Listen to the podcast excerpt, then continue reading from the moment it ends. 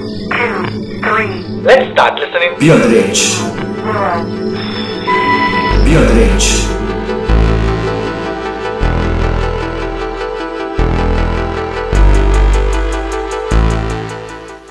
හැමෝටම සුබදසක් මම සහන් ඔයාල මේ එක්තුලා ඉන්න බියොන්ද රෙන්ජ් පොඩ්කාස්ට් එකේ සීසන් වන්න එක දෙවනි එපිසෝඩ් එකත් එක්කා ඉතිං අද අපි කතා කරන්න තෝරගත්ත මාතෘකාව අපි ටිකක් කතා කරන්න බය ටිකක් අපි කතා කරන්න අකමැති මාතෘකාවක්. අද අපේ මාතෘකාව වෙන්නේ මරණය. එම නෙත්තිලන් ඕ ඇත්තටම. ඉතිං මරණය කල කිව්හම අපේ හිතට එන්නේ ටිකක් බයක් නේද? අපි හැමෝ මරණයට බයයි. ගොඩක් අය මරණයට බයයි. ඒවගේම සහන් අපේ ජීවිතේ හැම ඉන්සිඩන්ට් එකක්ම ප්ලෑන් කරාට මේ මරණය ගැන හිතන්න නේද?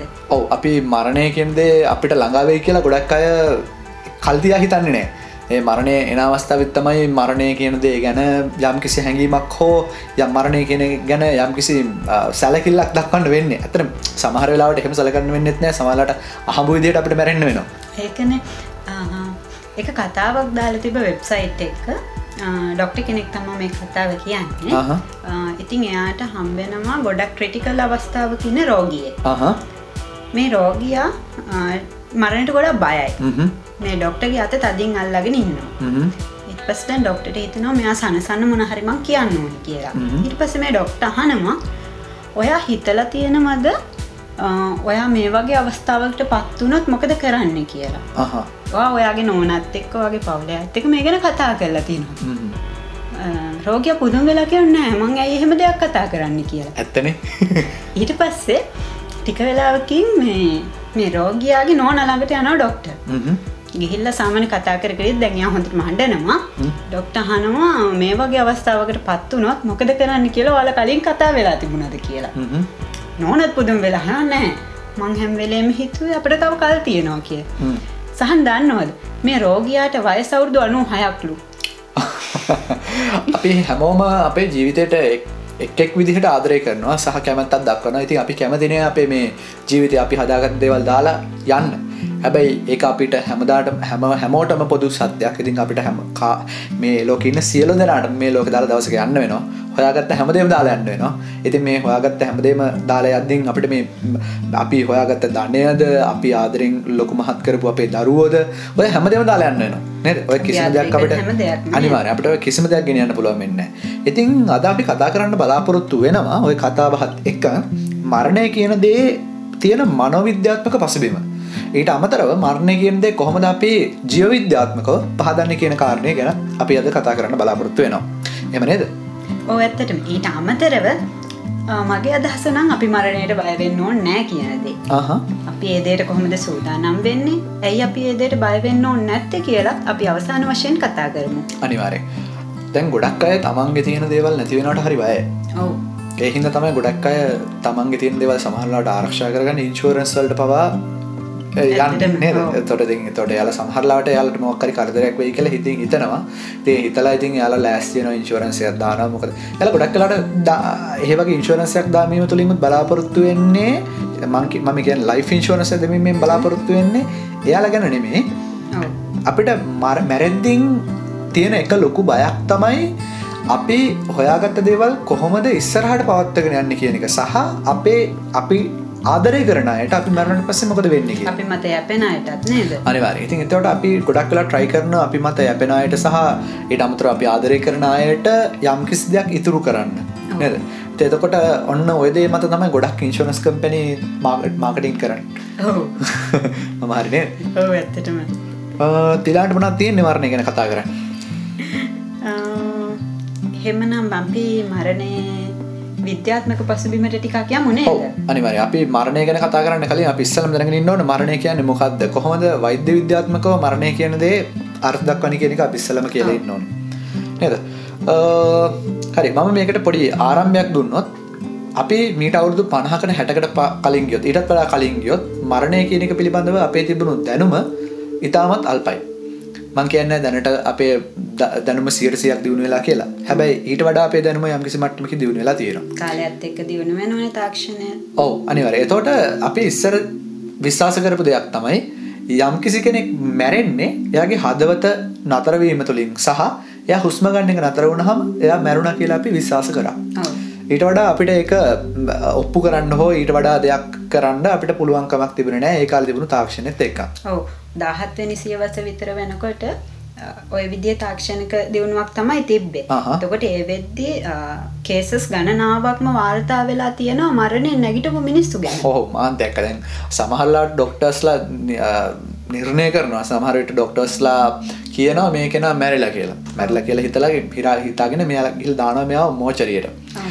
එහෙම නැත්තම් මෙයා බ- සමහර කේසස් තියෙනවා මේ වලදාණ්ඩ යද්දි නැගිටපුවා. ඔව් සමහර විට එම්බම් කරන්නත් නැතුව ඇතින කාලේ. ඔව් එහෙමත් නැතුව ඇති. ඉතින් එතෝට සමහර කේසස් තියෙනවා මේ වලදාණ්ඩ ඇද්දිින් මේ නැගිටපු අවස්ථාත් තියෙන තිබිල තියෙනවා. ඒ කියන්නේ මරණය කියනදේ ඇත්තර මරණය පි- දේ පිළිබඳව අපිට තිබුණු දැනුම ඉතාමත් අල්පයේ කාලතු සීමාතුරදී අපි මරණය කියන දේ ඇත්තර මරණය කියන දේ හරියට හරිම අර ඉගෙන ගණ්ඩ ස්ටඩී කරන්න අමාරු දෙයක්. එකට හේතුව තමයි මරණයකින්ද මැරලා බලන්න ඕනේ. කොම දැනනවාද කොම දැනනවාද කියන ඉතින් එතකොට මේ හැබැයි පහුකාලනවා එකන දැම නූතන විද්‍යාව දියුණුවත් එක්කම් මරණය කියන්නේ අපට විදිර අර්ථක් වන්න බෑ. ඒකට හේතුව අපිට අපේ හදවත නැවතුනොත් අපිට හාට ලංමේෂන් එකට අපි හයි කල්ලා අපේ හදවත අපට වැඩ කරවන්න පුළුව ඒට අමතරව අපිට අපි හුස්ම ගන්න නැත්තම් අපට පුළ මෙන්ටිලේට සයි කරන්න. වෙටලේට සයිකල් අපට පුළුවන් කෘතිීම සසනය ලබාද එතකොට ඒ පුද්ගලයා හුස්මත් ගන්නවා. ඒ පුද්ගලයා ඇඟ තුළේ ලේත් පොම්ප වෙනවා. හ්ම්. ඉතින් එතකොට ඒ වගේ තැනකට ආවහම අපි කොහොමද කියන්නේ හදවතයි ලංසුයි දෙකම වැඩ කරන වැඩ කරන නිසා ඒක න මැරලාද නැද්ද කියලා ප්‍රශ්නයක් තියෙනවානේ. ඉතින් ඒ නිසා නූතන විද්‍යාවේදී අපි විශ්වාස කරන්නේ යම්කිසි පුද්ගලයෙක් මැරෙන්න නම් ඒ පුද්ගලයාගේ මොලේ මරණයට පත් වෙන්න ඕනේ කියලා. මොලේ මරණයට පත් වෙනවා කියන එකෙන් අදහස වෙන්නේ ඒ මොලේට බැරි වෙනවා තවදුරටත් ඒ පුද්ගලයාගේ ශරීරයේ තියෙන අවයවයන් දිගටම පවත්වගෙන යන්න. ඒක ප්‍රතිඵලයක් විදිහට ඒ අවයවන අවයවයන් ඒ කියන්නේ ඕගන්ස් ක්‍රමක්‍රමයෙන් ක්‍රමක්‍රමයෙන් ෂට් ඩවුන් වීම සිද්ධ වෙනවා. ඉතින් ඒකේ ප්‍රතිඵලයක් විදිහට අවසානයේ පුද්ගලයා මරණයට පත් වෙනවා. ඉතින් එතකොට අපි දැනට මේ ඩෙත් එක කියන දේ අර්ථ දක්වන්නේ මොලේ මරණයක් විදිහට. එතකොට මොලේ මරණත් තමයි අනිත් දේවල් මැරෙන්න පුළුවන් වෙන්නේ. හැබැයි ඔතනත් පොඩි ට්‍රිකි පොයින්ට් එකක් තියෙනවා. ඔයාලා බයොලොජි කරන අය දන්නවා. අපේ හදවත කියන දේ එයා විසින්ම තමයි කම්පනයන් ඇති කරගන්නේ. උදාහරණයක් විදිහට හදවතේ තියෙනවා සයනෝ හර්ට් කරණික් ගැටේ කියලා තැන. මෙන්න මේ තැනින් තමයි හදවත ගැහෙන්න ඕන රිද්මය ලබා දෙන්නේ. ඉතින් ඒ නිසා යම්කිසි පුද්ගලයෙක් අපි හිතමුකෝ මොලේට එකපාරටම ඇක්සිඩන්ට් එකක් කළා මැරුණා කියලා. අපි හිතමු මොලේ මොකක් හරි ලොකු ඇක්සිඩන්ට් එකේ මොලේට ලොකු හානියක් කළා මැරුණා. වුණාට එයාගේ හදවත යම්කිසි වෙලාවක් යනකම් එයාගේ හදවත ගැහෙනවා. ආ. සහ හදවතට පණ තියෙනවා. එතකොට මේ ඒ වගේ අවස්ථාවක තමයි පුළුවන් වෙන්නේ හදවත බද්ධ කරි බද්ධ කිරීම වලට එහෙම ලක් කරන්න. ඔව් ඕපන් හાર્ට් සර්ජරි එකක් කරලා. ඉතින් එතකොට මේ හાર્ට් එක රිමූව් කරලා හાර්ට් එක රීප්ලේස් කරන ඔපරේෂන්ස් තියෙනවා. ඉතින් ඒ වගේ දේවල් වලට පාවිච්චි කරන ඒ වගේ අයගේ හදවත්. ඉතින් මේ ලොකු ප්‍රශ්නයක් තියෙනවා මේ කොහොමද ඇත්තරම මේ මරණයකින්ද ඩිෆයින් කරන්න කියන එක දැනටත් අපි පාවිච්චි කරන මෙතඩ්ස් සියට සියක් ඇකුරේට්ද කියලා ප්‍රශ්නයක් තියෙනවා. හැබැයි ගොඩක් කලාට මේ දියුණු රටවල් පාවිච්චි කරනවා මරණ කෙනෙක් EEG එකක්. ඒතර EEG එකක් කරාට පස්සේ අපි දන්නවනේ මේ බ්‍රේන් වේව්ස් ඔව් බ්‍රේන් වෙන්නේ නැහැ කියලා. බ්‍රේන් වේව්ස් ජෙනරේට් වෙන්නේ නැහැ කියන්නේ බ්‍රේන් එක මැරිලා. බ්‍රේන් එක මැරිලා කියන්නේ එතනින් හරිය වැඩක් නැහැ. අනිත් ඕගන්ස් පවත්වාගෙන යන්න බෑ. ඒතර මැරුණා කියලා ඉවරලා එතන කන්ෆර්ම් කරනවා.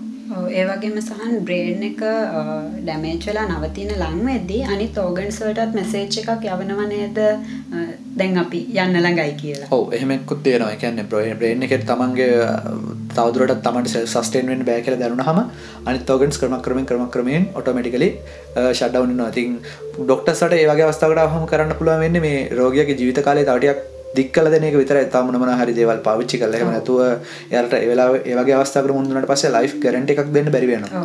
ඩොක්ටර්ලා කියන්නේ ජීවිතේ බේර ගන්නවා කියලා නෙමෙයි කාලය දික් කරනවා කියලානේ නේද? ගැරන්ට් කරන්නේ. ඔව් ඔව් ඔව් එහෙම දෙයක් තියෙනවා.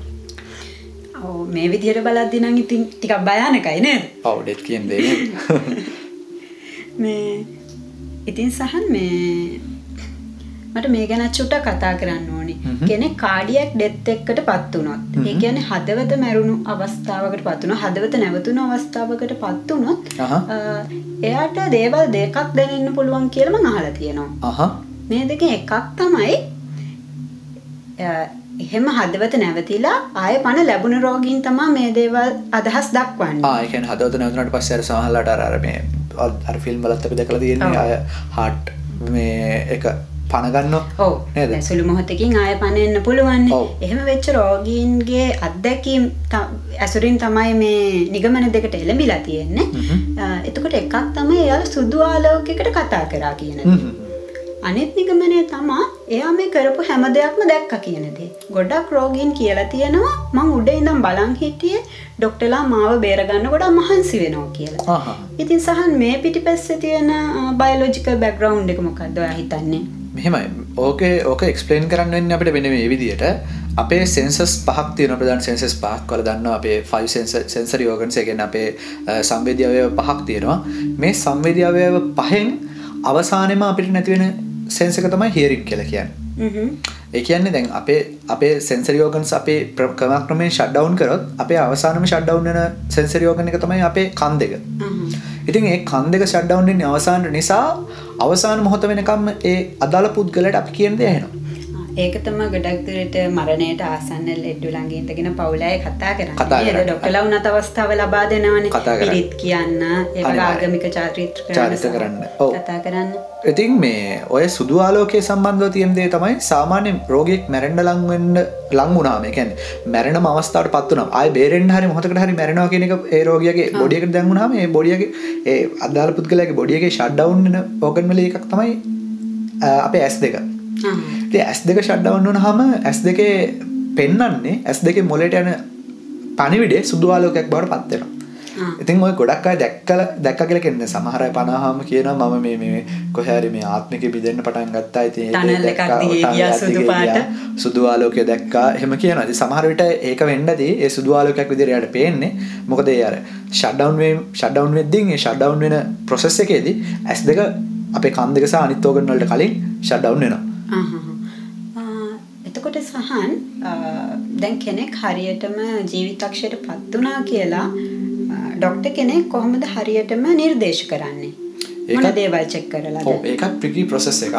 ඒ යාලා චෙක් කරන දේවල් කීපයක් තියෙනවා. යාලා චෙක් කරනවා heart beat rate එක චෙක් කරනවා. ඊට අමතරව යාලා චෙක් කරනවා pulse වැටෙනවද කියලා චෙක් කරනවා. ඊට අමතරව body temperature එක චෙක් කරනවා. ආ. දන්නවා මරණහම body temperature එක. Drop වෙනවා.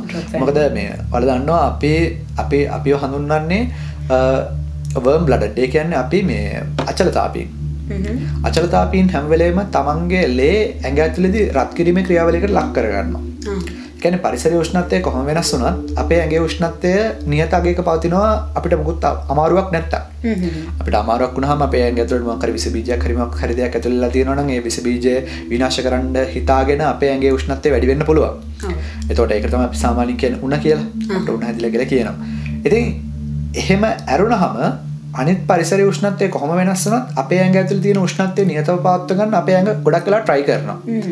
ඉතින් අපේ හැබැයි අපේ ඇඟ මරණයට පත් වුණාට පස්සේ අපේ ඇඟේ දැනට තියෙන උෂ්ණත්වය එළියට පිට වෙනවා.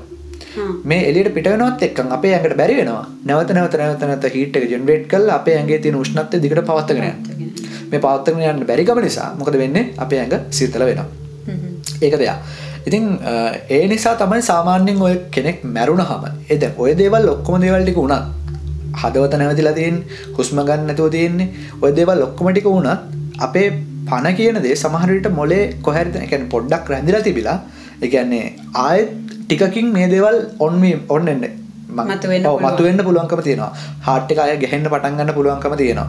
ඉතින් අපි දන්නවා අපේ පණ කියන දේ කියන්නේ අපේ ජීවී ක්‍රියාවලින් ඒ කියන්නේ අපේ හුස්ම ගන්නවා සහ ඊට අමතරව අපේ හදවත ගැහෙනවා වගේ දේවල් පාලනය කරන්න අපේ බ්‍රේන් එකේ දෙනවා ස්පෙෂල් තැනක් අපි ඔකට කියන්නේ බ්‍රේන් ස්ටෙම් එක කියලා. ඉතින් මේ සුසුම්නා ශීර්ෂකය. ඒතර මේ සුසුම්නා ශීර්ෂකය එහෙම නැත්නම් මේ බ්‍රේන් ස්ටෙම් එකෙන් තමයි මේ අපේ පල්ස් රේට් එක වගේ දේවල් තියාගෙන ඉන්නේ. ඉතින් මේ සාමාන්‍ය ඔය ඕනෙම රෝගියෙක් මැරුණාද කියන එක හරියටම චෙක් කරන්න. නිසා අපි ඒ පුද්ගලයාගේ ඩෙත් එක වාර්තා වෙච්චි මැරුණා කියලා හිතපු වෙලාවෙ ඉඳලා පැය කිහිපයක් අපි බොඩි එක තියන් ඉන්නවා. ඔව්. ඔය තියන් ඉඳලා තමයි අපි ඒක රෙකමන්ඩ් කරන්නේ. ඇත්තට මේ මැරිලා තියෙන්නේ. මෙතනින් එහාට අපිට කරන්න පුළුවන් දෙයක් නැහැ කියලා. ඒ එහෙම නැතුව අපි කෙලින්ම බොඩි එක ඩිස්චාර්ජ් කරන්නේ මැරුණා කියලා අපි කව වෙලාවකත් කියන්නේ. ඒ තමයි ඒක හේතුව. එතකොට සහන අර ඇස්වල පියුපිල් එකේ ඒකත් හොඳ දෙයක්. මේ සාමාන්‍යයෙන් අපේ මේ පිව්පිල් එක ආස කරනවා. ලිින්ක් වෙනවා එකන්න අපි ටෝචලියකට හරි මොක්කරදයකට ඇල්ලුවට පස්සේ ඒ ටෝච්චලිය පැත්තෙන් අපේ පියව්පිල් එක ආන්ස කරනවා. එහට මැට ගමන් කිරීම සහ අපේ ඇතුළ තියෙන ආල අපි දන්න අපේ ඇහේ තියෙනවා අයිරිස් එක. කැන්නේ ඉතන් තාරමට ලෙසිංහල කියන්න. තොර මේ ඒකෙන් පුළුවන් අපිට ඇහැ ඇතුළට ඇතුළෙන ආලොක් ප්‍රමාණය පාලනය කරන්න කන්ට්‍රෝල් කරන්න එක ලොකු පොඩි වෙලා. එතොට අපි ටෝච්චක් හොට පස්සේ අපි කොච්චර නින්ද හිටියත් එකන්න අපි අපේ මේ ක්‍රියාවලින් කොච්චර බැහල තිබුණත් අයිමල තිබුණත් අපිට පණතියෙනවනම් අපි මේ ගහන ටෝච්චලට අපේ ඇහැ ප්‍රතිචාර දක්වනු ප්‍රතිචාර දක්වන. ඒක නේද අපි දැකලා තියෙන ගොඩක්කර හොස්පිටල් එක්සිඩන්ට් වෙලා ගෙනනිච්චම්මුණත් ඉස්සල්ලාම ලයිට් එකක් අනිවා හල බලන ඔවද වෛදවරු පාවිච්චික නොකට ක්‍රමවේදයක් තියෙනවා. මට ජස් කියල කියන්නකට ඉතින් ඒක ස්කේල් එක ඒ ස්කේල කියලා ලකුණු දෙනවන්න මෙච්චරක් මේ රෝගයට දෙන්න පුළුවන් කියල. උදාහරනක දර වාලකවා කාගෙන් හරි බෙත්ගන්න කියම මුලින්මහන ප්‍රශ්න තමයි නම්මගත්ද කියලා නම්මොකක්දවගේ වයසිගේ දෙවක දෙවල් හොට පස්සේ එකින් යාලා අඳුරගන්න ඔය පියසියෙන් ඉන්නවා.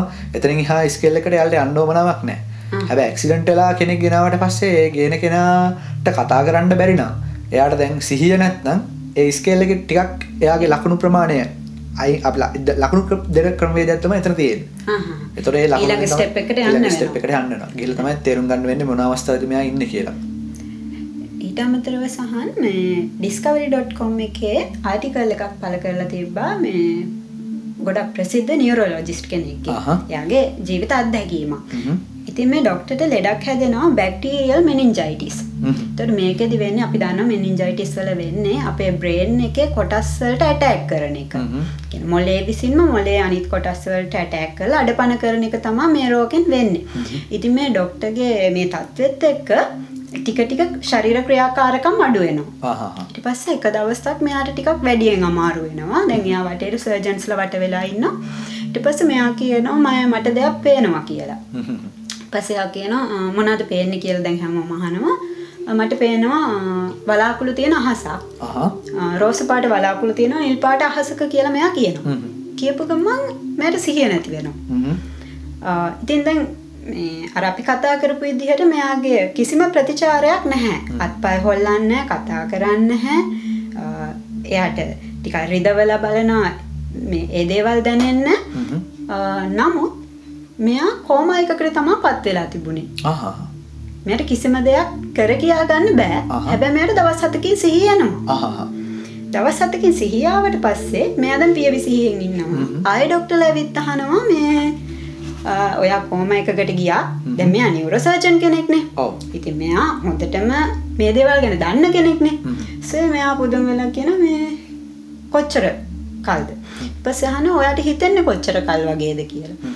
කියනවා පැය භාගයක් විතර. මෙයා දවස් 7කින් සහන් පියවි සීය ගත්තේ. හැබැයි මට කිසිම දෙයක් මතක නැහැ. එයා එහෙම දෙයකට ලක් වුණා. මෙයාට අවසාන මොහොතේ මෙයා කියලා තියෙනවානේ මට මේ වගේ දෙයක් දැනුණා පෙනුණා කියලා. ඒ දේවල් එයා දන්නෙත් නෑ. එයා දන්නේ එයා ආය පැය භාගයකින් විතර නිින්දකට ගිහින් ආය හැරුණා වගේ දෙයක් තමයි එයා දන්නේ. ඉතින් මං හිතනවා මේ දේත් එක්ක අපි මේ කොහොම කියන එක ගැන ටිකක් කතා කරොත් හොඳයි කියලා. කොහොමද සහන් ඩෙත් එක්කට වඩා කොහොම එකක් වෙනස් වෙන්නේ? ඕ මං හිතන්න ඩෙත් එක්කදී සම් අපේ බාලජික ප්‍රසෙස් ඔක්කොමටික අපි දැන් කතා කරපු ෂඩ්ඩවුන් වෙනවා ඊට අමතරව අපේ බ්‍රේන් එක ෂඩ්ඩවුන් වීමකින් අපි කිව්වේ ඩෙත් එකක් ඇති වෙනවා කියලා.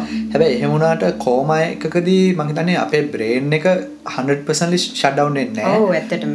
අපේ බ්‍රේන් එක වැඩ ඉතින් එතකොට බ්‍රේන් එක වැඩ වුණාට අපේ ඉතුරු ක්‍රියාකාරක කියන්නේ අපේ කන්ෂියස් කියන දේ කියන්නේ අපි අර මේ අවධානයෙන් අපේ තිය පියවිසිය කියන දේ නැහැ අපිට. ඉතින් එතකොට ඔන්න ඔය අවස්ථාවත් පොඩ්ඩක් ට්‍රිකි කොහොමද ඩෙත් එකත් එක්ක කොහොම එක කියන දේ වෙන් කරන්න කියන එක. ඔව්. ඒ අය දන්නවද සහන්? සාමාන්‍යයෙන් අපි සාමාන්‍ය ජීවත් වෙනවට වඩා සාමාන්‍ය පියවි සිහියෙන් ඉන්නවට වඩා 150ත් 60ත් අතර ප්‍රමාණයක් අපේ මොලේ ක්‍රියාකාරීත්වය අඩුවිලු කොම එකකට ගියොත්. ඊට අමතරව අපි තද නිින්ද ඉන්නවා කියලා හිතමු. අපිට සමහර ලාවට අපි කියනවා මැරිලා වගේ නිින්ද ගියා කියලා. අම්මා ගැහුවට හැරෙන්නෙත් නැහැ කියලා. හැබැයි කොම එක එහෙම නෙමෙයි. අපි ඩීප් නින්දකට ඩීප් ස්ලීප් එකට. ගැන ගැඹුරු නින්දකට ගිහින් ඉන්නවටත් වඩා සීයට විස්සත් දහයත් අතර ප්‍රමාණයක් අපේ මොලේ ක්‍රියාකාරීත්වය අඩුයිලු අපි කෝම එකකට ගියොත්.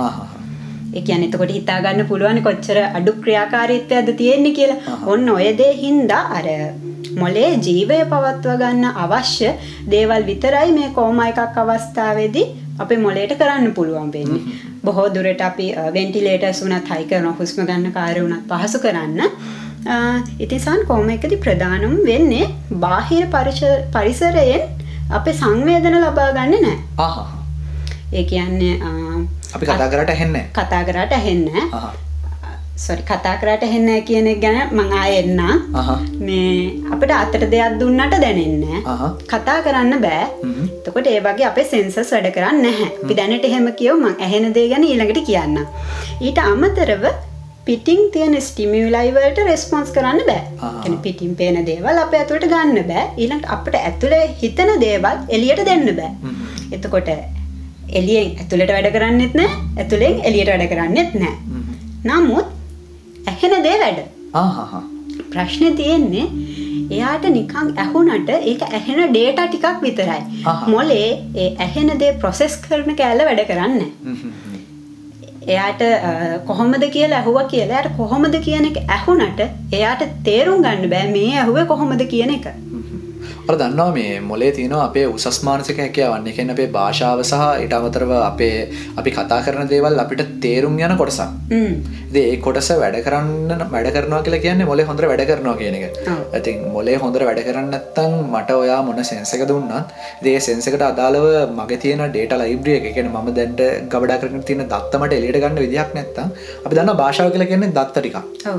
ඉතින් පොඩි කාලේ නම් අපිට මේ හම්බෙන දත්ත අනුව තමයි අපේ භාෂාව කියන්නේ හැදෙන්නේ. තෝට එහින්ද තමයි අපි හිතන්න සිංහලමයක් වුණ අපි හිල්ල දෙමල ගෙදර හැදුවත් එලම කතා කරන්න දෙමලින් කට හේතු පොඩි කලන ළමට හමල තින ඩේට වෙන්න දෙමල භාෂාවෙන් හම්මෙන වචන තමයි යාලා දන්නේ එදකොට ඔන්න ඕක තමයි කොමාතත්පෙදී අපිට වචන ආවට ඒ වචන තේරුම් ගන්න බැරිවෙන්න හේතුව.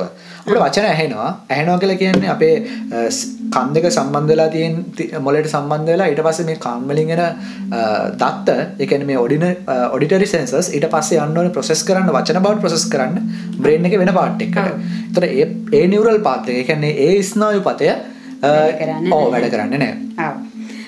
ඊට අමතරව මේ කෝම එකකදී ප්‍රධාන වශයෙන් අපේ මොලේ ඩැමේජ් කරන්නේ සෙරිබ්‍රල් කෝටෙක්ස් එකට තැලමස් එකට සහ බ්‍රේන් ස්ටෙම් එකට. අර කලින් සහන් කිව්වේ.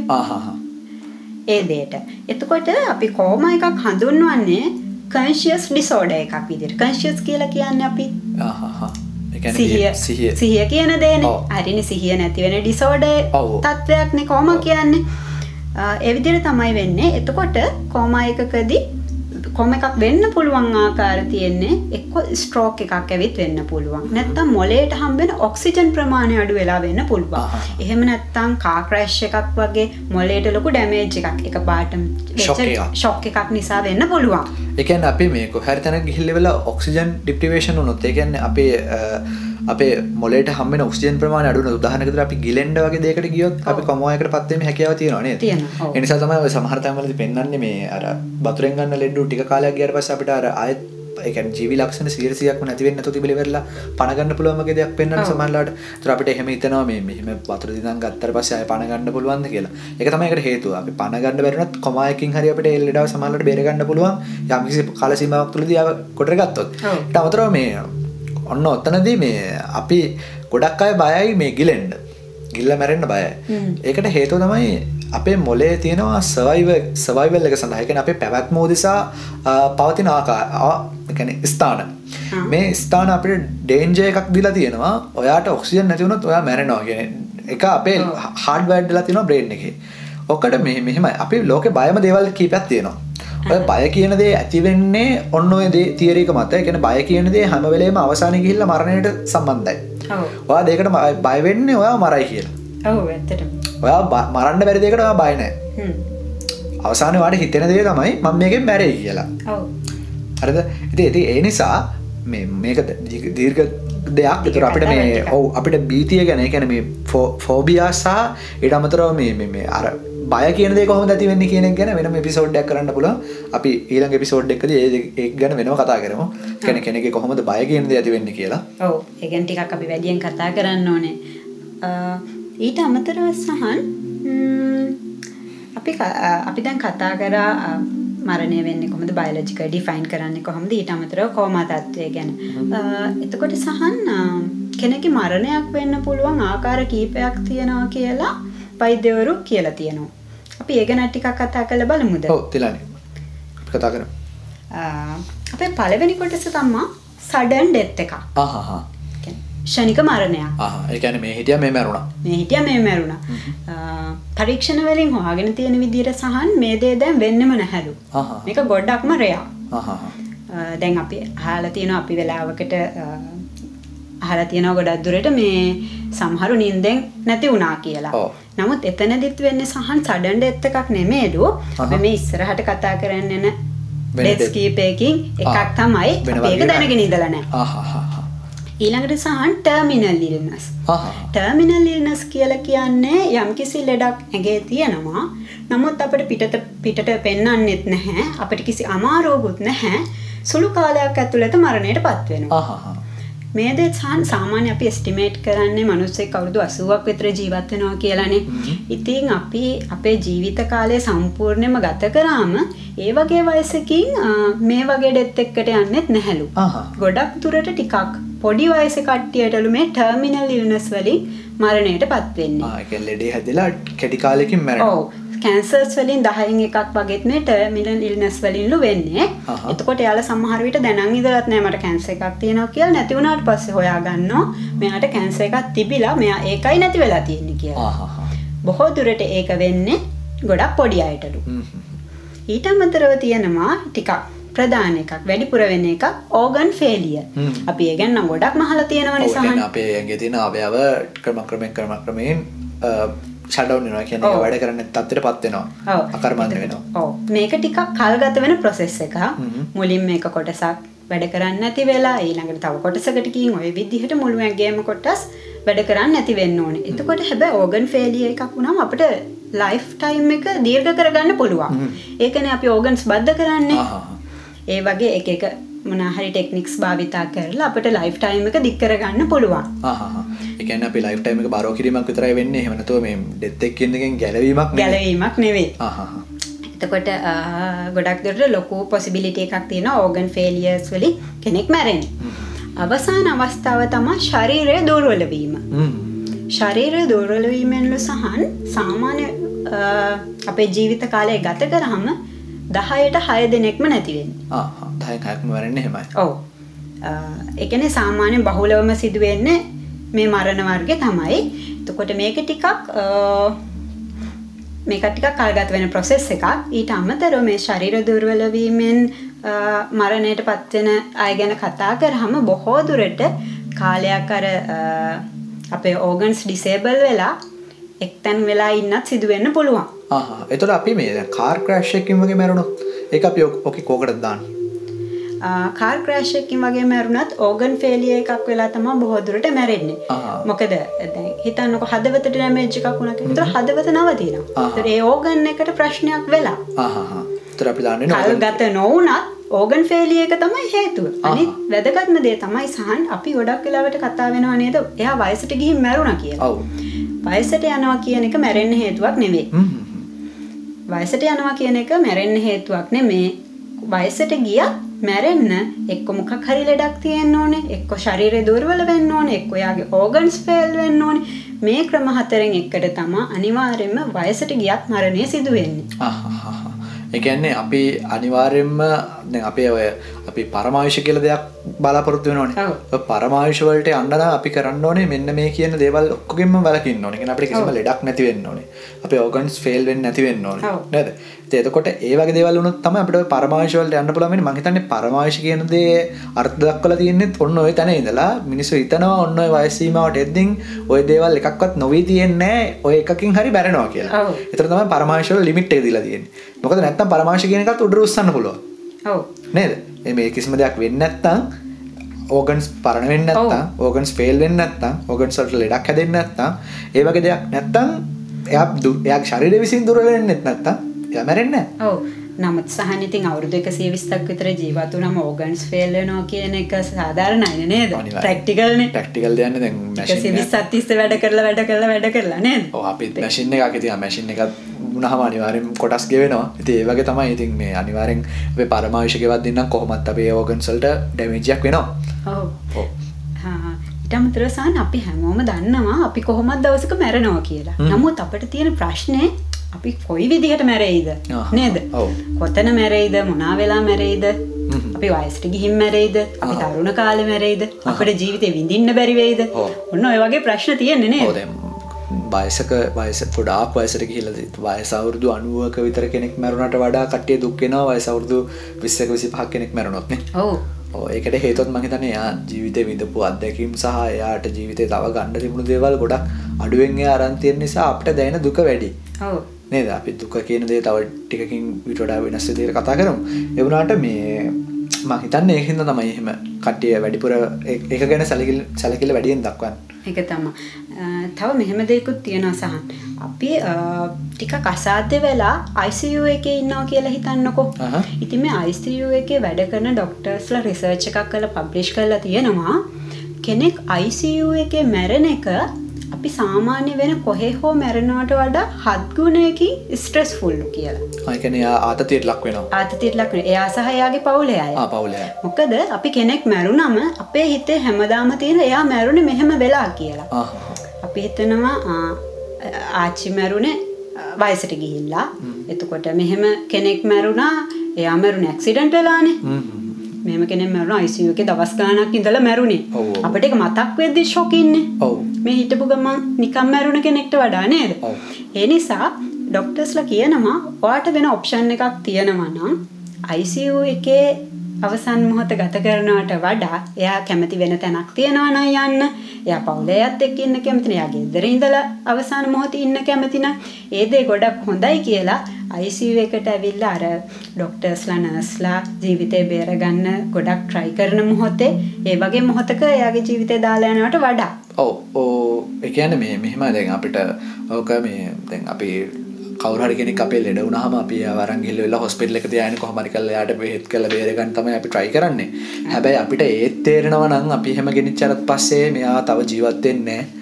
අපි ගොඩක් වෙලාවට මෙයා තව උපරිම දවසක් දෙකක් ජීවත් වෙයි කියලා ඩොක්ටර්ස්ලාත් රෙකමන්ඩ් කරනවා නම් එයා ඒ හොස්පිටල් එකෙන් තියලා මර- මැරෙන්න යනවට වඩා ඒ කියන්නේ මැරෙන්න ඉඩ දෙනවට වඩා එයා කැමති තැනකට එක්කන් ගිහිල්ලා ඒ කැමති දේවල් ටිකක් පෙන්නලා එතකොට ඒ වගේ එයා එයා ආදරය කරන අය එයාගේ වටේට ඉඳලා එයා මැරුණොත් එයා වැඩියෙන් සතුටින් ජීවත් වෙයි. ඔව්. එයාගේ ජීවිතය ගත කරා කියලා එයාට දැනේ. දැනේ. පවුලයට උනත් සතුට වෙන්න පුළුවන්. අපි අන්තිම මොහොතේත් එක්ක හිටියා. ඔව්. අපි ආ කැමති විදියට දේවල් කරා කියන එක ගැන නේද? දැන් ඕක ගොඩක් අය මේ හිතනවා. ඉතින් මේ ගොඩක් වෙලාවට ඔය හොස්පිටල් වල කෙනෙක් නවතින්න හේතුව තමයි අපි හිතෙන් අපි අතෑරියත් මෙයාව බේරන්න බෑ කියලා කෙනෙක් කිව්වත් අපි හිතෙන් හිතන හොස්පිටල් ඇතුළේ තිබුණොත් මෙයාව අපිට බේරගන්න පුළුවන් වෙයි කියලා. ડોක්ටර්ස්ලා කැමති ડોක්ටර්ස්ලා කොච්චර කිව්වත් මෙයාව තව බේරන්න බෑ කියලා අපේ හිත කැමති නෑ. මෙයාව අපිව බේරන්න බෑ කියන එක පිළිගන්න. ඔව්. ඒ නිසා අපි ආව හොස්පිටල් එක ඇතුළේ තව තව තව තව තියාගෙන try කරනවා. ඉතින් ඒක මේ හරි මේ අමුතු ෆිනෝමිනා එකක්. ඉතින් ඒක මූුණ දුන්නාම තමයි ඒක බලන්න නේද? ඒක තමයි. ඒටත් අමතරව මේ දැන් ගොඩ ඕනම කෙනෙක්ට මැරෙන්න්න ලංවුණහම මැරෙන්ඩ ආසන්න මොහොතකට ආපහම එයාට ඇතිවෙනවා බයක්.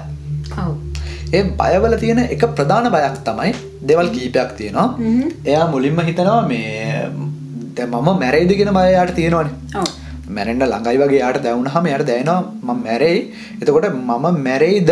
පිකෙන ම මැරෙන්න්නතු මට බේරෙන්න්න පුළුවන්ේද මම මැරීමද කියලා යට බයක් තියෙනවා.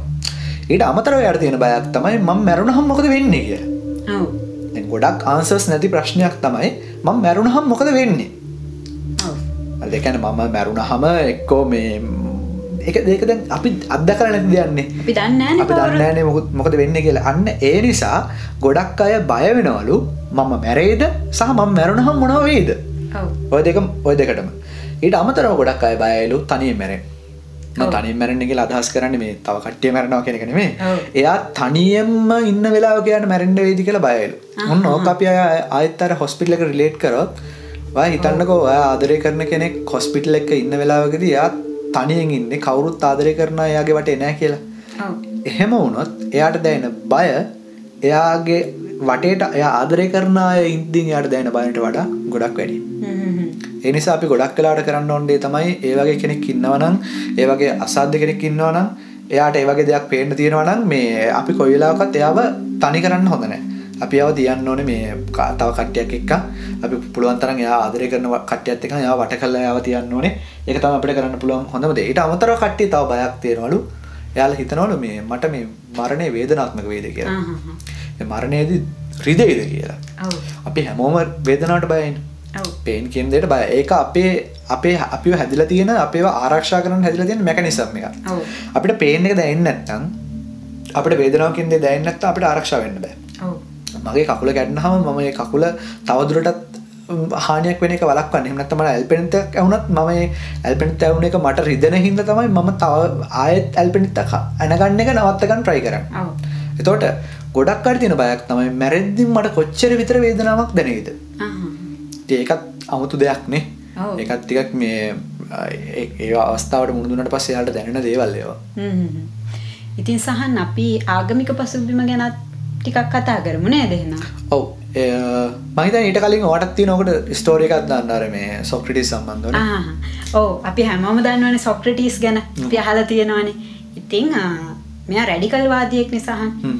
එතකොට මෙයා මේ එයාගේ රැඩිකල් වාදී අදහස් වලට තරුණ තරුණ පිරිසක් එකතු කරා කියන හේතුව මත තව හේතු කීපයක්ම තිබ්බා.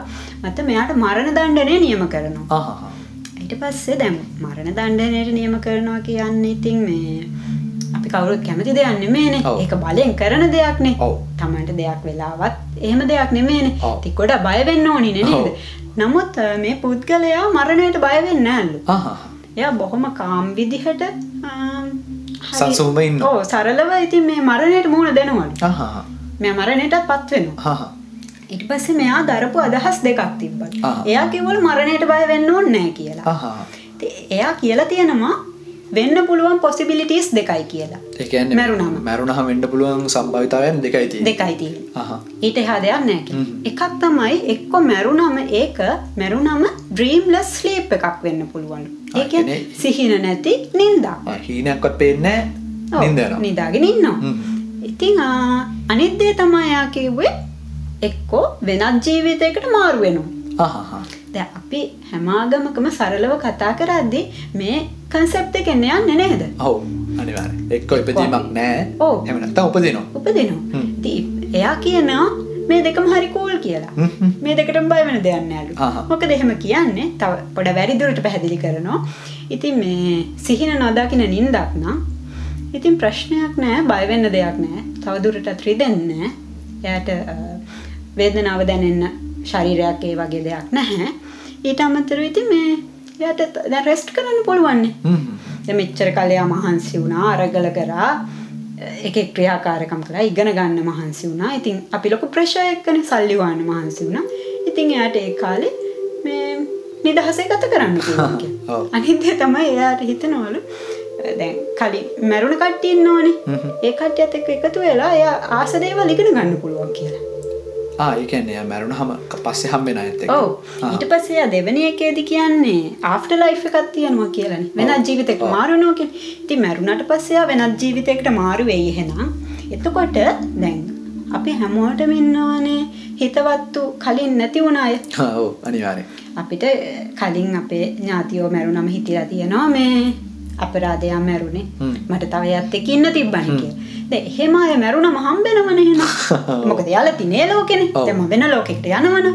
ඉතින් එයාලත් එක්ක එක- එතනත් අඳුරන ඉන්නවනේ. ඔව්. මන් නෙමෙයි ඉස්සලමෙන්. ඔව්. ඒ අඳුරන අයත් එක්ක එකතු වෙලා අපේ අනිත්‍ය යාළුවොත් එනකම් අපිට එකට ඉන්න පුළුවන් කියලා. සොක්‍රටිස්ත් මාර දේවල් හිතලා දෙයි. ඔව් ඉතින් ප්‍රශ්නයක් නැහැ නේ බලන් ගියපුවාම. ඔව්. සොක්‍රටිස් එහෙම කියනවා.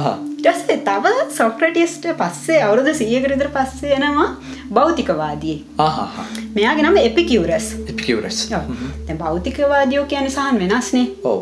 එයා කියන්නේ හැමදේම ෆිසිකල්. ෆිසිකල් දෙයක් තියෙනවා මැටීරියල් එකක් තියෙනවා. එයා අපේ ශරීරය දකින්නේ මැටීරියල් එකක්. එතකොට එයා කියන්නේ මම කියන්නේ මගේ ශරීරය. ඔයා කියන්නේ ඔයාගේ ශරීරය.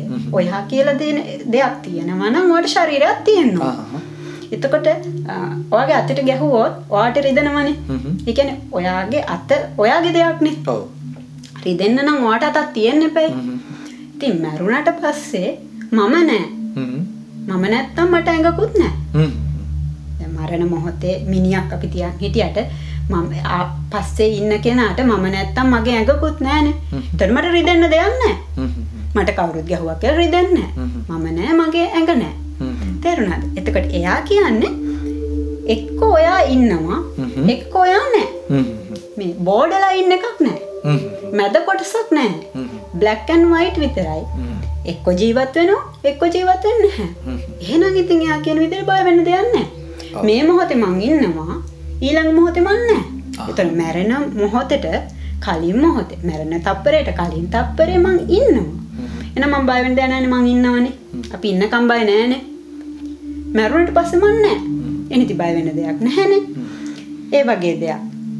එතකොට මේ දේවල් එක්ක මට හිතන දෙයක් තමයි සහන් අපි සමහර විට බය වෙන්නේ අපිට දේවල් නැති වෙනවටද කියලා.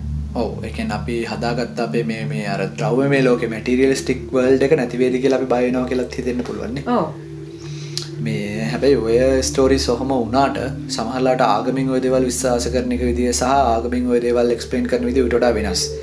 සමහර වෙලාට සමහරාකමකින් විශවාස කරන්න පුළුවන් එක එක්ස්පලේන් කරන්න පුළුවන් මේ විදියට. දැන් ඔයදැන් කිවන කලින් අර පුද්ගලය කතාවෙදී එක්කෝ අපි මැරෙනවා එක්ක අපි නැතිවෙනවා කියලා. තකොට හැබැයි ආගමකින් කියනවා අපි මැරෙනවා කියන එකත් අපිට වේදනත්මක මැරෙන්න්න පුළුවන් කියලා. ගාරනයක් විදිර හිතන්නක දැන් කවුර කෙනෙ කවුරු පහකද ඔත්පල වෙල ඉඳලා ඔත්පල ඉඳලා එක තන ඉඳලා මැරෙනවා කියලා. තොර මැරෙනවා මැරෙන්නේ තමයි. ඒ පොයින්් එක තමයි තියෙන්නේ. හැබැයි අර මැරෙනකං කාලෙ හරි වේදනාත්මකයි. ඔව්. නේ ඉතින් එතකොට ඒක සමහරලාට ඒ ආගමින් විශ්වාස කරනවා ආගමින් එක්ස්පලේන් කරන අපිට ආගමින් කියල දෙනවා. ඒ අපි කරපු පව් එන ඇති අපි කරපු වැරදි ක්‍රියාවන් කලින් කරපු වැලදි ක්‍රියාවන් වලට අපිට හම්බලා තියෙන ප්‍රතිඵලයක් කියලා. නේද? මේ ඉතින් එතකොට ඒකත් එක්කන් මේ අපිට මරණය කියන දේ ඔය විදිහටම එක්ස්පලেইন කරන්න. ඒ කියන්නේ එක එක පැති ගොඩක් තියෙනවා. නේද? ඉතින් අපි ඊළඟට බලමු මරණය කියන දේ ලෝකේ තියෙන එක එක ආගම් කොහොමද විස්තර කරලා තියෙන්නේ කියලා. ඉතින් ආගම් දරන අදහස් එකිනෙකට සමාන වෙන්නේ නැහැ. එක එක ආගම් එක එක අදහස් දරනවා. ඉතින් අපි බලමු අපි මධ්‍යස්ථව ඉඳලා අපි කිසිම ආගමකට ඒක හොඳයි හෝ නරකයි නොකිය අපි බලමු ආගම් වල තියෙන දේවල් අපි නිකන් කියමු. ඔව්. නේද? මේ දේවල් දැනගන්න ඕනේ දැනගන්න ඕනනේ ඉතින් සමහර මේ බටහිර ජාතීන් විශ්වාස කරනවා. බටහිර සංස්කෘතින් ජීවත් විශ්වාස කරනවා අපි මේ මැරෙනවා කියලා කියන්නේ මැරුණාම ඉවර එතනින් හර දෙයක් නැහැ කියලා. ඉතින් දැන් ඔයා අර කලින් කියපු තියර එකත් ඒ වගේ දෙයක් තමයි. ඒ කියන්නේ මේ දැන් මම ඉන්නවා දැන්. මගේ ඇඟ තියෙනවා. මම මම මේ මම ජීවයක් විදිහට ක්‍රියා කරනවා. මැරුණාම ඉවරයි ඉතින් හට දෙයක් නෑ කිසිම. හැබැයි අපි ඕක ආවහම ඉස්ටන් කල්චස් පැත්තට එක ගොඩක් කලාට මේ ආසියාව පැත්තර වගේ පැත්තරාවට පස්සේ අපි ඔය අදහස විටට ටිකක් වෙනස් කරනවා. අපි විශ්වාස කරන ආෆ්ට ලයිෆ් කියල දෙයක් තියෙනවා කියලා. ඔව්. කියන්නේ මැරුණට පස්ස ජීවිතයක් කියල දෙයක් තියෙනවා කියලා. කෝතින් ඒක මෙහෙම දෙයක් වෙන්න පුළුවන්. එක්කෝ මැරුණ හම ආය උපදෙන්න්න පුළුවන්. රීබර්තයක් තියෙන්න්න පුළුවන්. හෙමත් නැත්තන් මේ ඒක ආෆ්ට ලයිෆය කියල කියන්න මේ අපි අර විශ්වාස කරන සමහරාගම්වල අපායක් තියෙනවා දිවලෝකයක් තියෙනවා ඒවගේ කොහැරි තැනකට යන්න පුළුවන්. එක්කෝ නැවත මනුස්සෙක් විදිරම උපදින්න පුළුවන්. තොරදි ඒ වගේ තැනකට එනවා අපි මේ කල්චස්වලින් ආවහම කොමද ඩෙත් එක ඩිෆයින් කරන්න කියලා බැලුහම් ඉතින් අපි මේ මුලින්ම කතා කරොත් කතෝලික ආගම ගැන. ඉතින් කතෝලික ආගම සහ ක්‍රිස්තියානි කියන්නේ දෙකක්නේ අපි මුලින්ම කතා කරමු කතෝලික ආගම ගැන හ්ම්. ඉතින් කතෝලික ආගම ගත්තහම කතෝලික ආගමේ අය ආෆ්ටර් ලයිෆ් කියන දේ කියන්නේ මරණයෙන් මතු ජීවිතයක් තියෙනවා කියන එක විශ්වාස කරනවා. විශ්වාස කරනවා වගේම එයාලා විශ්වාස කරනවා මේ එක්කෝ මැරුණට පස්සේ එක්කෝ අපාය උපදින්න පුළුවන් හ්ම්. එහෙමත් නැත්නම් දිවි ලෝකෙ උපදින්න පුළුවන් කියලා. එයා හෙල් සහ අර ඩිවයින් හෙවන් කියන දේ විශ්වාස කරනවා. එයාලා හැම දෙයක් තියෙනවා කියලා තමයි විශ්වාස කරන්නේ. ඊට අමතරව මේ ඒ ආගම මේ මැරුණට පස්සේ අපේ ඇඟ කියලා කියන්නේ හිස් වෙසල් එකක් නිසා, ඒ කියන්නේ නිකන් හිස් භාජනයක් වගේ දෙයක් නිසා ඒක ඒ දේහයට මරණ පරීක්ෂණ සිදු කරන්න සහ ඒ දේහේ තියෙන අවයව තියෙනවනේ. ඔව්. මැරුණට පස්සේ අවයව ඕන දන් දෙන්න පුළුවන්නේ. ඒ දන් දුන්නා කියලා මුකුත් කියන්නේ දන් දෙන්න පුළුවන්. ඕ ඉතින් ඒක ප්‍රශ්නයක් නෑ. එක යාගේ කැමැත්තක්. දැන් මොකද දන් දෙන්න දන් දුන්නට ප්‍රශ්නයක් නැති වෙන්නේ දැන් වාජන හිස් භාජනයක් තියෙන්නේ. දැන් එතන කිසිම දෙයක් නෑ. ඉතින් ඒක නිකන් දි รา පත් වෙන දෙයක්. ඉතින් අපි දන්නවා ඕනිම කෙනෙක් මරණයට පස්සේ යම් යම් ක්‍රියාවලින් ඔස්සේ ගිහිල්ලා පොළොවට පස්සෙලා යනවා. නේද? ඒ කියන්නේ බැක්ටීරියා ක්‍රියාකාරීත්වයෙන් සහ ෆංගස් වල ක්‍රියාකාරීත්වයෙන් මේ දේ වියෝජනයට පත් වෙනවා ඩිකම්පෝස් වෙලා පරිසරයට එකතු වෙලා යනවා. අර එලිමන්ට් සයිකල් වෙන ප්‍රොසෙස් එකට එකතු වෙනවා. ඒ ඇරෙන්ඩ එතන දෙයක් නෑ ඉතින් එතකොට මේ ඉතින් ඒ නිසා මේ එයාලා විශ්වාස කරනවා ඔගන්ස් දන් දුන්නාම සහ ඊට අමතර ඔන්නම් මරණ පරීක්ෂණ සිදු කරාගල ප්‍රශ්නයක් නෑ කියලා. එක තමයි මේ කතෝලික අයගේ මේ අදහස වෙන්න. අපි අවුත් මේ ක්‍රිස්තියන් ගැන ක්‍රිස්තියානය ළඟට ක්‍රිස්තියානය අය මේ එයාලත් විශ්වාස කරනවා මේ මරණය පස්ස ජීවිතයක් තියෙනවා කියලා.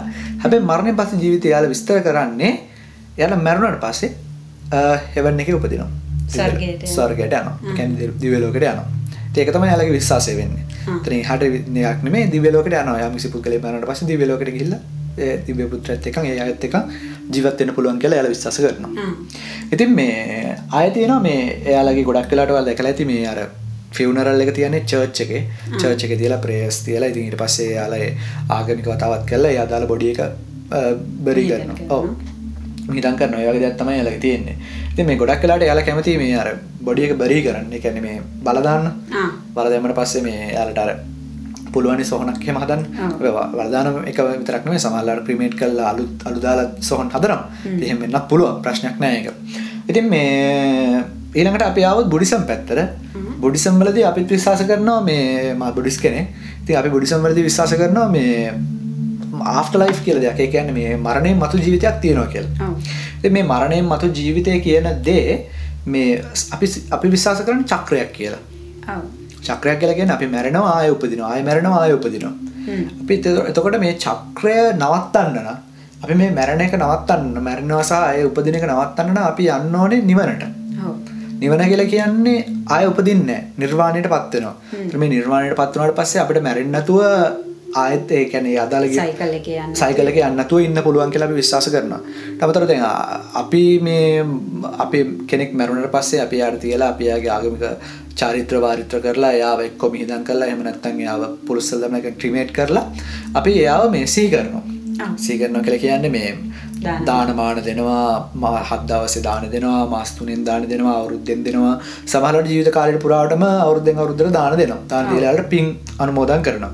කියන්නේ මොකද මේ අපේ ආගමේ විශ්වාස කරනවානේ මේ අර මේ හොඳ සහ නරක ඒ කියන්නේ අර කුසල කර්ම සහ අකුසල කර්ම කියන දේ. ඉතින් ඒ අනුව මේ සංසාර චක්‍රයකින් දේ තීරණය වෙන්නේ කියලා. ඉතින් අපි try කරනවා මේ එයා කර පින් වලට අමතරව අපිත් පින් කළා එයාට ඒ පින් අනුමෝදන් කරන්න. ඒතකොට එයාගේ අර සංසාර ගමන කියන දේ ඒකෙන් කෙටි වෙයි. ඒකෙන් එයාට හොඳ තැනකට ළඟා වෙන්න පුළුවන් වෙයි කියලා අපි විශ්වාස කරනවා. හැබැයි සමහර ආගම් වලදී ෆියුනරල් එක ඉවරුනාට පස්සේ ඒ අදාළ පුද්ගලයා මැරලා ඒ අදාළ කටයුතු ඉවරුනාට පස්සේ එයාලා ආයෙත් ඒ පුද්ගලයා වෙනුවෙන් දානමාන කරන්න යන්නේ. එයාලගේ මෙමරි එකක් විදිහට එයාව තියාගන්නවා. ඉතින් එයා එයා මෙමරි එකක් සදාකල් එයාලගේ මතකේ ඉන්නවා. හැබැයි එයාට අර මේ පින් අනුමෝදන් කරනවා වගේ වැඩ කරන්නේ නැහැ. එහෙම වැඩ කරන්නේ නැති වෙන්න හේතුව මොකද එයාලා ඉතින් සමහරලාට විශ්වාස කරන්නේ මරණයට පස්සේ එයා යනවා දිව්‍ය ලෝකෙට කියලා. හොඳ තැනක ඉන්නේ. ආය එයාට පින් කර කර අපිට පින් අනුමෝදන් කරන්න දෙයක් නැහැ. ඉතින් එහෙම විශ්වාස තියෙනවා ආගම්වල. ඊට පස්සේ මම ආවොත් මේ අපේ Hindu ආගම පැත්තට Hindu ආගම තියෙනවා සාමාන්‍ය ලෝකෙන් හතෙන් එකක් Hindu Hindu භක්තිකයෝ. ඒ කියන්නේ බිලියනයක් විතර Hindu භක්තිකයෝ ඉන්නවා ලෝකේ. බුද්දිස්ලත් ඉන්නවා මට මතක විදිහට බිලියන දෙකක් විතර. ඉතින් එතකොට ඔන්න ඔය වගේ ප්‍රමාණයක් ඉන්නවා මේ Hindu භක්තිකයෝ. ඉතින් ගොඩක් වෙලාට ඉන්දියාවේ Hindu භක්තිකයෝ ඉන්නවා. ඉතින් මේ එයාලා විශ්වාස කරනවා මේ. ඒ කියන්නේ පුනරුත්පත්තියක් කියලා දෙයක් තියෙනවා කියලා. ඒ කියන්නේ මැරුණට පස්සේ ආයෙත් උපදිනවා කියන එක විශ්වාස කරනවා යාලා. දැන් වෙන ෆෝම් එකකින් උපදිනවා. වෙන ෆෝම් එකකින් කියලා කියන්නේ දැන් කලින් හිටිය මිනිස්සෙක් ඊට පස්සේ මේ මිනිස්සයා වෙන බොඩි එකක් ඇතුළට ගමන් කරනවා. එච්චර යාලා විශ්වාස කරන්නේ. ඊට අමතරව මේ එයාලත් විශ්වාස කරනවා මේ සංසාරය කියන දේ. එයාලත් විශ්වාස කරනවා සංසාරයක් කියලා දෙයක් තියෙනවා කියලා. කියන්නේ චක්‍රයක් තියෙනවා කියලා. සංසාර චක්‍රයක්. එයාලා කියන්නේ අපි කියන්නේ නිවනනේ. එයාලා කියන්නේ මේ සංසාර චක්‍රේ අඩු කරන්න සංසාර චක්‍රේ මිදෙන්න නම් අපි අත්පත් කරගන්න ඕන කියලා මෝක්ෂය කියලා දෙයක්. ඇතර මේ මෝක්ෂයගෙන් අත්මත් කරගත්තොත් අපිට සංසාර චක්‍රයෙන් මිදෙන්න පුළුවන් කියලා යාල විශ්වාස කරනවා. ඒ වගේ දෙයක් තමයි යාලගේ තියෙන්නේ. ඉතින් මේ ගොඩක් වෙලාට යාලා මැරුණාට පස්සේ බොඩි එක නාවලා එයාලගේ අර ට්‍රැඩිෂනල් සුදු පාට ඇඳුම් අන්දලා ඊට පස්සේ එයාලා මේ ගොඩක් වෙලාට මේ ඉක්මනටම බොඩි එක භූතානය කළා දානවා. එම තමයි යාලගේ චාරිත්‍ර වාරිත්‍ර තියෙන්නේ. ඉතින් එයාලත් මේ එපා කියන්න ඕගන් ඩොනේෂන් එක එපා කියන්න ඕගන් ඩොනේට් කරන්න පුළුවන් ඊට අමතරව ඔටොප්සි එකක් කරන්න කියන්නේ මරණ පරීක්ෂණයක් කරන්න පුළුවන් ඒක ප්‍රශ්නයක් නෑ කියලා තමයි යාලා විශ්වාස කරන්නේ. ඉතින් මේ බුඩිස්ලත් එහෙම තමයි. බුඩිස්ලත් විශ්වාස කරනවා මේ දන් දුන්නාට ප්‍රශ්නයක් නෑ දන් දෙන්න පුළුවන් කියලා. ඉතින් මේ වගේ දෙයක් තමයි තියෙන්නේ. ඊට පස්සේ අපි ආවොත් මුස්ලිම් පැතර හැබ අයිටමතර මට හින්දුවල තව දෙයක් කියන්න අමත වුණා. හින්දු භක්තිකයෝ මේ මිනි වල්ලනට අමතරව මල්ලනට බල්ලනට වඩා මිනි පුළුස්සන්න කැමති එකට හේතුවක් තියෙනවා. හින්දු භක්තිකයෝ විශ්වාස කරනවා බොඩි එක පිලෙස්සීම තුළින් මේ ආත්ම එකන ආත්මයකලයක් විශවාස කරනවා. ඒ ආත්ම එලි රිලිස් කරන්න ලේසි වෙනවා කියලා. නිදහසෙන් ඒ නිසා ගොඩක් කලාට යාල් ට්‍රයි කරනවා මේ බොඩික බර්න් කරන්න. බර්න් කරට පස්සේ තොට ආත්මලි රිලිස්සෙනවානේ තොට ඒවගේ දෙයක් යාලා හිදු භක්තික විශස කරන ති ගොඩක් කලාර ෆිල්ම්මලත් අපි දැකලා තියන්නේ මේ දරසයක් හල පුච්චනවනේ. ඒරෙන් අපි පිදකරන හින් බොය තැමිල් ෆිල්ම්මල ඒවගේ අපි දැකරනෑ මේ බොඩිස් වලදානවා නේද? ඒකට අලු අරංගිහින් ගඟක පා කරන අනිවා හෙම හෙමකුත් තියෙන යාලක් චාරිත්‍රයක් තියෙන ඊට පස්සේ අලු අරන් ගිහිල්ලා යාලගේ ගංගාව තියෙන ගංගාවේ පා කරනවා ඒ ආත්ම නිදහස් කරනවා කියන එක තමයි යාලා එකෙන් මේ අර්ථවත් කරන්නේ. ඉතින් එතකොට ඒක යාලගේ රිචුවල්ස් වල කොටසක්.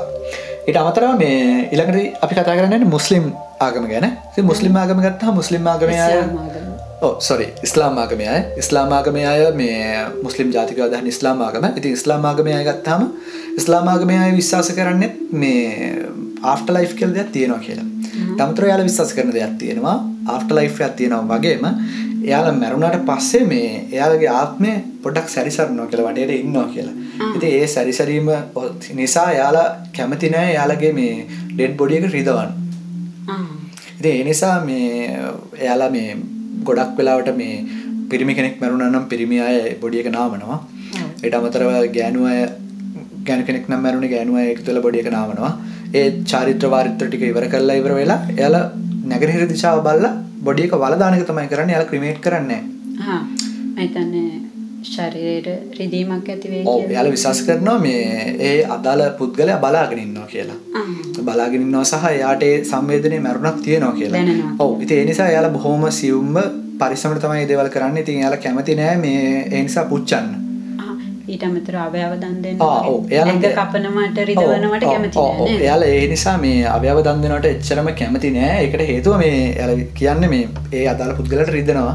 එතකොට ඒ නිසා මේ ඒකට යාලා ඉච්චර කැමත දක්න ඉටමතර ඔටොප්සියක් කරන්න පුළුවන් ඔන්න හැබැයි කාරර මේ මොකක්ද ක්‍රයිම් එකක් නම් එහෙම නැත්නම් මොකක් හරි ඒක අර සැකයක් තියෙනවා නම් එතකොට ඒක කරන්න අවශ්‍යම දෙයක් නම් තමයි එහෙම කරන්නේ. මැරෙන්න ඔටොප්සි එකට යන්නේ නැහැ ඒ වගේ දෙයක් තමයි යාළගේ තියෙන්නේ ඊට අමතරව මේ සමහර ආගම් මේ සහ සමහර රටවල් ආගම් වලට වඩා රටවල් මේ විවිධ චාරිත්‍ර වාරිත්‍ර පාවිච්චි කරනවා. දැන් උදාහරණයක් විදිහට මේ ඔයාලා දැක්කන මේ දවස්වල අර මේ FB එකේ ෂෙයා වුණේ කොෆින් ඩාන්ස් කියලා ඒක ඇත්තරම එක එක රටක තියෙන සම්ප්‍රදාය එකන අර ජැස් මියසික් වලට එයාලා මේ බොඩිය කරගෙන කොෆින් එක කරේතියක නටනවා ඒක තුළින් එයාලා බලාපොරොත්තු වෙනවා මේ එයා ගත කරපු ඒ අර සතුරු ජීවිතය ඒ ඒ ජීවිතයම අවසන් කටයුතු අවසන් ගමන් ගියා කියන එක පෙන්වන්න. කියන්නේ ජීවත් වුණෙත් සතුටින් අවසන් ගමන් ගියත් සතුටින්. ඒක පෙන්වන්න එයාලා ඒක මේ සිම්බලයිස් කරනවා කියලා තමයි මේ කියවෙන්නේ. ඉතින් මේ ගොඩක් මේ ඩේටා මම රිසර්ච් කරගත්තා. සමහරවිට මේ වැරදි තියෙන්න පුළුවන්. ඒ කියන්නේ මේ ගොඩාක් ෆිල්ටර් කරලා තියෙන්නේ. ඉතින් ඒ නිසා වැරදි අඩුයි. හැබැයි ඉතින් පොඩි පොඩි මිස්ටේක්ස් තියෙන්න පුළුවන්. ඒවා ගැන හිතන්න එපා. ඉතින් මේ ඊටත් අමතරව අපි ගත්තහම මේ සමහර තවත් සමහර රටවල් තියෙනවා. දැන් මේ උදාහරණයක් විදිහට මේ ප්‍රධාන වශයෙන් මේක වෙන්නේ මේ වලදන මේක බුඩිස් කල්චර් එකක්ම තමයි. මේක තියෙන්නේ මොංගෝලියාවේ සහ ටිබෙට් වල. මේකට කියන්නේ ස්කල් ස්කයි බරියල් කියලා. ස්කයි බරියල් කියලා කියන්නේ කවුරු හරි කෙනෙක් මැරුණට පස්සේ මැරුණු කෙනාගේ ශරීරය කියලා කියන්නේ හිස් හිස් දෙයක්. ඒක ඇති දෙයක් නැහැ කියලා විශ්වාස කරන්නේ. ඉතින් ශරීරයේ යම් කිසි දෙයක් තිබුණා නම් ආත්මයක් තිබුණා නම් එයා ආත්මය දැනට නිදහස් වෙලා ඉවරයි. ඉතින් ඒ නිසා යාලා කරන දේ තමයි මේ අපි හැදුනේ පොළවෙන්න. අපි හැදුනේ මේ පොළොවේ තියෙන එලිමන්ට්ස් එකතු වෙලා නම් අපි මැරුණාට පස්සේ මේ පොළවට භූමිදානය වෙලා අපි මේ ගත්ත එලිමන්ට්ස් ටික ආය පරිසරයට දෙන්න ඕනේ කියන. ඕ එනිසා එයාලා ශරිරය මැරුණට පස්සේ පොංචි පුංචි කෑලිවලට කපනවා කපලිවරලා කන්දක් මුදුරට ගෙන හෙල්ලවෙරලා ඒ කන්ද මුදුර තැපත් කල තින එක්ක එක සත්තුන්න කන්න පුළුවන්. එහෙම නැත්නම් පරිසර වියෝජන වෙලා යන්න පුළුවන්. ඒ වගේ රිචුවල්ස් තියෙනවා ලෝකෙදී. අධිපතිමයි නේද? ඔව්. දැන් අපි ඩෙත් එක කියන දේ මේ එහෙම සැලකුවට මේ සමහර ආගම් තියෙනවා. ඉතින් ඒ විදිහට සලකන ආගම්. මේ මම දැක්ක තව මේ අර විශේෂ දෙයක් මේ අර සිරස එකේ සංචාරයකේ මේ වත් දකින්න සමහරට කන්දක් උඩ. ඔව්. කන්දක් අරගෙන ඒ පවුලානුව මේ ඒ කන්දේ මේ පවුලට වෙනම මේ හදලා තියෙනවා. ගුහාවන්. ඒ ගුහාවන් වලට මිනිහ ගිහිල්ලා තැම්පත් කරනවා. තැම්පත් කරන්නේ සෙරමනියක ඒ සෙරමනියක වෙනකන් මිනිහ තියාගෙන ඉන්නේ ගෙදර. උසස් පවුල්ලට ඕ වෙනම තැන්තින පහත් පවුල්ලට වෙනම තැන්තින මොක දෙකට හේතුව මේ ඒ රට ඇතුළ අර පන්ති බේදේ තාම තියෙන ඕ තිය ඊට පස්සේ මේ ඊට පස්සේ මේ ලොකු සෙරමණි එකක් තියෙනවානේ සෙරවනි එකක් තියෙන වගේම මේ අවුරුදුක සැරක් මේ මිනි එලිට ගන්න එලිට අරගෙන ඒ මිනිවලට ආයත් අලුතින් ඇඳුම් අන්දල ආයත් ඒ මේ බෙනවල තැන්පත් කරනවා. එම කල්ජසුත් ලෝක තියෙනවා. මේ මේ කල්ජස් ගත්තා මේ කල්ජලින් කෝකද හොඳ එක කෝකද නරක එක ඉටම්ද කෝකද හරි කෝකද වැරදි හෙමට කියන්න බෑ. කියන්න බෑ කියලා විශ්වාස කරන විදිහ නේ යාලක විශ්වාස කරන විදිය සහ ඒක යාලක අර බිලිෆ් සිස්ටම් එක මත ඒ කියන්නේ යාල දරන මේ අදහස් සහ මතවාද මත ඒක වෙනස් වෙනවා ඔව් යාලට හම්බෙලා තියෙන කල්චර් එක සංස්කෘතිය. මේ සංස්කෘතියට අපිට ඇඟිලි දික් කළා ඒක හොඳයි හෝ නරකයි කියන්න පුළුවන් කියලා මම හිතන්නේ. මොකද අපි ඒ කල්චර් එකේ ඉපදුනා නම් අපි වෙන කල්චර් එකක ඉපදිච්ච නිසා අපි ඒ කල්චර් එකේ තියෙන දේවල් වෙනස් විදිහට? දැනෙනවා. හැබැයි ඒ ඉපදුනා නම් ඒවා අපිට දේවල්. ඔව් ඉතින් මට අන්තිමට හිතෙන්නේ මේ අපි විශ්වාස කරන විදිහක් තියෙනවනේ අපි මැරුණට පස්සේ මේ දේ වෙන්නේ කියලා. ඉතින් ඒ දේ අනුව අපේ ජීවිත කාලය හරියට සැලසුම් කරගන්න ඕනි නේද? අපි විශ්වාස කරනවා නම් පින්පව් තියනවා කියලා. ඉතින් අපි පින් වඩන වැඩ කරන්න ඕනි නේද සහ? ඔව් ඒ කියන්නේ කොහොම වුණත් මෙහෙමයි. පින් හෝ කියන්නේ කුසල කර්ම කියලා කියන්නේ හොඳ දේ ඇති කරන ක්‍රියාවන්. ඉතින් අපි හැම වෙලේම හොඳ දේ ඇති කරන ක්‍රියාවන් කරා නම් අපිට මරණය ගැන ලොකු බයක් ඇති වෙන්න හේතුවක් නැහැ. ඉතින් මේ ඊටත් අමතරව මේ දැන් ගොඩක් වෙලාවට මට කියන්න ඕන දෙයක් තමයි මේ තමන්ගේ ආදරය කරන අය ඒ වගේ දැන් අපි හැමදාම මැරෙන්නේ නැහනේ. හැමෝම මැරෙනවා. ඉතින් මේ ආදරය කරන කෙනෙක් මේ මරණය කියන තැනට ලං වුණාට පස්සේ ඒ කෙනාට අපි පුළුවන් තරම් හොඳට එයාට ආදරයෙන් සලකන්න ඕනේ. එයා ළඟ ඉන්න ඕනේ.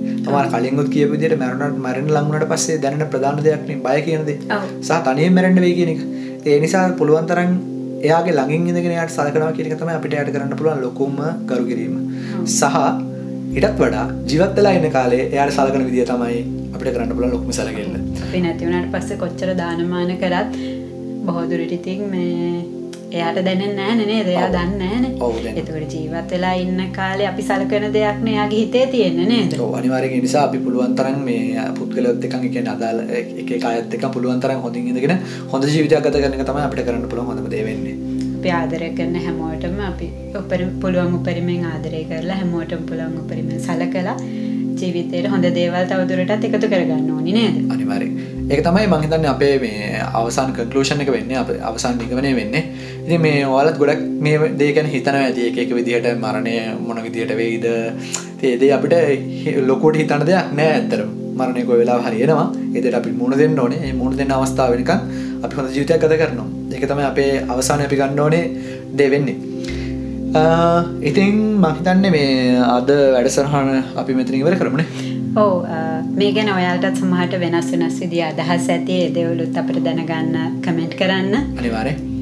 අ, ඊට අමතරව මේ අපි හන්න පුළුවන් මේ තියෙන පොඩ්කාස් මේජ ෆොඩ්කාස් ෆලටෆෝර්ම් ඔක්කොගෙම උදාහනකද ලංකාව තියන පොඩ්කාස් ඔක්කොම හමෙන් තන තමයි පොඩ්කාස් ඩොටල්ක ඒ වෙබ්සයිට අපි වහන්න පුල පොඩ්කාස් ඩොටල්ක වෙබ්සයිට එක ඉටමතර අප හන්න පුල එක ඉටමතර ස්පොටිෆයි වලින් අයිඩවන්සලින් එකන මේ අප පොඩ්කාස්ලින් හන්න පුළුව ඉටමතර හන්න පුලන් කාස් බොක්සකින් ඒ වගේ Google පොඩ්කාස් ඒවගේ ඕන පටෆෝර්ම් එක අපි හන්න පුළුව ඉති මේ ආරධන කරනවා සයිකලෝජි ගැන ඉටමතරව මේ ෆිලෝසොෆි ගැන ඉටමතරව තව තියෙන මේක ජෙනරල් ටොපික්ස් ගැන සයින්සන් ටෙක්නෝජි ගැන වගේ දේවල් ගැන ඉන්ට්‍රස්ටක් තියෙන හැමෝම දිගට මවිත්තක රැඳලන්න කියලා. එන අප ඇදර ගිලෙමුණේ හරි. එන හැමෝටම සුබදවසක්